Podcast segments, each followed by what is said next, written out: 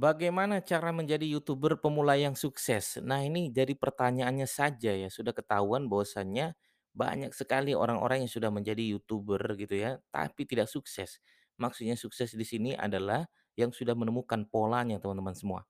Ya, tolong teman-teman dicatat nih, ada 6 poin penting ya ketika teman-teman semua ingin menjadi YouTuber pemula, maka teman-teman wajib catat 6 poin penting ini dari saya. Apa itu? Yang pertama adalah teman-teman harus tentukan dulu tujuan teman-teman pengen menjadi YouTuber itu apa. Ya, kalau saya saya bagi menjadi empat teman-teman sekalian. Pertama adalah tujuannya pengen uang. Boleh silakan. Kalau teman-teman pengen tujuannya uang silahkan tidak masalah. Ya kita tidak munafik kok. Semua orang pasti butuh uang kan begitu. Cuman kalau teman-teman di awal sudah langsung pengen uang, ini yang salah, ini yang keliru. Saya dulu di awal langsung pengen uang, apa yang terjadi? Ini kok lama sekali datangnya uang kan begitu. Akhirnya apa? Akhirnya kecewa, lemas, nggak dapat apa-apa. Tapi kalau teman-teman udah 2 bulan, 3 bulan, udah setahun ngomong uang boleh kan begitu. Tapi kalau untuk awal-awal jangan dulu dong ya, jangan dulu ngomong uang. Tapi kalau langsung ya silakan kalau teman-teman, eee, emang sudah terkenal, emang sudah selebgram sebelumnya, kemudian jadi YouTuber langsung rame, silakan langsung mikirkan uang. Tapi kalau belum rame, masih awal, masih penontonnya baru 2, baru 10, baru 15, jangan dulu ngomong uang dong ya. Yang kedua adalah tujuannya coba, apakah tujuannya adalah karena terkenal ya. Ini banyak sekali orang pengen jadi YouTuber tujuannya karena terkenal kan begitu. Ya, terus terang kalau tujuannya terkenal lama teman-teman, lah lama. Nah yang ketiga ini saran saya, apa itu tujuannya? Yaitu adalah manfaat. Ya, saya berani jamin ya, hanya orang-orang yang kuat bermain YouTube adalah untuk pemula ya teman-teman, yaitu mereka yang tujuannya adalah manfaat. Karena tidak ada yang bisa ya menangkal rasa letih, rasa lelah, rasa capek kecuali kalau kita untuk manfaat itu hilang semua teman-teman semua. Ya. Saya kenapa saya banyak sekali bertanya, "Mas Didi kok bisa yang upload YouTube setiap hari?" Gitu kan. "Kok bisa kuat? Nih kapan waktunya? Buat videonya kapan?" Saya ditanya seperti itu karena niat saya, saya kuatkan di wilayah manfaat teman-teman. Walaupun ada juga niat saya untuk uang, tapi nanti ya. Mungkin udah setahun, 2 tahun baru saya ngomong uang kan begitu. Sekarang saya ngomong manfaat dulu. Yang keempat adalah bersenang-senang teman-teman tujuannya. Ya kemarin tuh Raffi Ahmad ketika ditanya, Ya sama Uus, "Tujuanmu apa sih pengen menjadi YouTuber?" "Saya pengen, men pengen bersenang-senang aja," kan begitu. Ya pengen, eee, ada ya sejarah saya, dokumentasi keluarga saya, ya aktivitas sehari-hari saya, saya rekam aja udah. Ya suatu saat nanti kalau saya tua saya bisa tonton lagi tuh, pengen bersenang-senang saja. Nah itu mereka aja tujuannya bersenang-senang gitu kan. Nah tapi akhirnya apa, uang, terkenal, manfaat semuanya datang sendirinya kan begitu. Nah, itu yang pertama teman-teman, yaitu tujuannya. Coba diluruskan lagi tujuannya. Teman-teman pengen jadi YouTuber itu tujuannya mau ngapain, kan begitu. Kalau saya terus terang saya pengen manfaat, saya pengen bersenang-senang. Uang ada tujuan saya itu mah nanti, untuk pemula nanti dulu ya.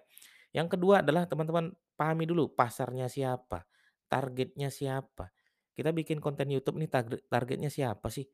Ya, kalau saya misalnya pengen buat tutorial YouTube emang targetnya adalah orang-orang yang pejuang-pejuang YouTube.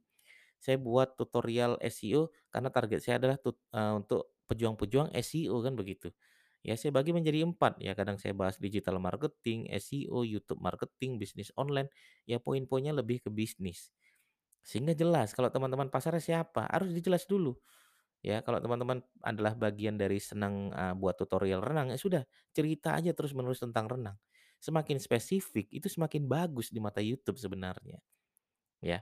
Terus aja upload, nanti akan ketemu tuh polanya, akan ketemu pasarnya. Kalau sudah ketemu pasarnya, rame tuh nanti yang komen, ya, itu yang kedua. Yang ketiga adalah ide konten. Mulai sekarang dibuat dong konsepnya, ide konten saya ngapain sih, besok ngapain, ya harus jelas, 10 hari ke depan tuh harus jelas, kan begitu. Nah, konten-konten kita tuh ngapain? Hari ini saya buat tutorial renang gaya bebas, besok saya cerita tutorial renang gaya kupu-kupu, besok saya cerita gaya dada, terus menerus sehingga jelas, polanya je jelas, ide kontennya je jelas. Caranya teman-teman buka aja nanti di YouTube, ketik aja kata demi kata, ketemu suggest ambil aja itu. Itu adalah bagian dari ide konten.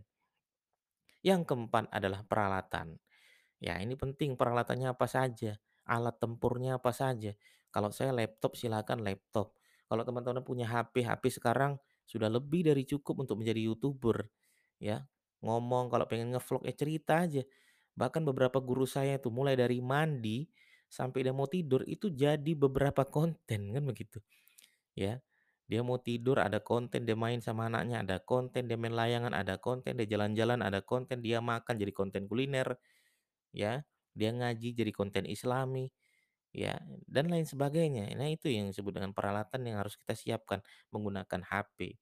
Kalau saya menggunakan laptop, teman-teman, sehingga saya menggunakan apa namanya kamera laptop, ya, saya menggunakan Camtasia, ya, untuk merekam layar saya, ya, kemudian saya menggunakan mic, ya, untuk biar supaya suara saya jernih. Karena dalam peralatan ini poin pertama adalah suara, teman-teman. Kalau teman-teman nonton video YouTube, suaranya jelek, orang nggak mau maafkan. Tapi kalau suaranya bagus, walaupun videonya jelek, orang masih mau memaafkan. Apalagi kalau suaranya bagus, videonya bagus, udah itu jelas-jelas keren sekali kan begitu. Itu yang keempat ya. Yang kelima adalah buat jadwal. Mulai sekarang buat jadwal. Kalau emang pengen komitmen setiap hari, silakan setiap hari jam berapa. Kalau emang dua hari sekali, silakan kasih tahu dua hari sekali. Kalau pemula saran saya, jangan seminggu sekali, kalau bisa dua hari sekali, tiga hari sekali gitu ya. Atau seminggu dua kali, atau setiap hari lebih baik. Jangan dua bulan sekali kalau pemula ya, selak pergi ya audiens kita gitu kan, kelamaan. Tentu kalau udah kalau teman-teman sudah lumayan lama, 3 bulan, 4 bulan, silakan buat jadwalnya sebulan sekali, 2 minggu sekali, silakan kan begitu. Tapi kalau pemula jangan, kasih tantangan, kasih challenge kan begitu. Sehari sekali silakan, 2 hari sekali silakan. Yang penting jelas setiap hari, jam berapa, itu buat jadwal. Oke, itu yang kelima teman-teman sekalian. Yang keenam adalah buat video yang bagus.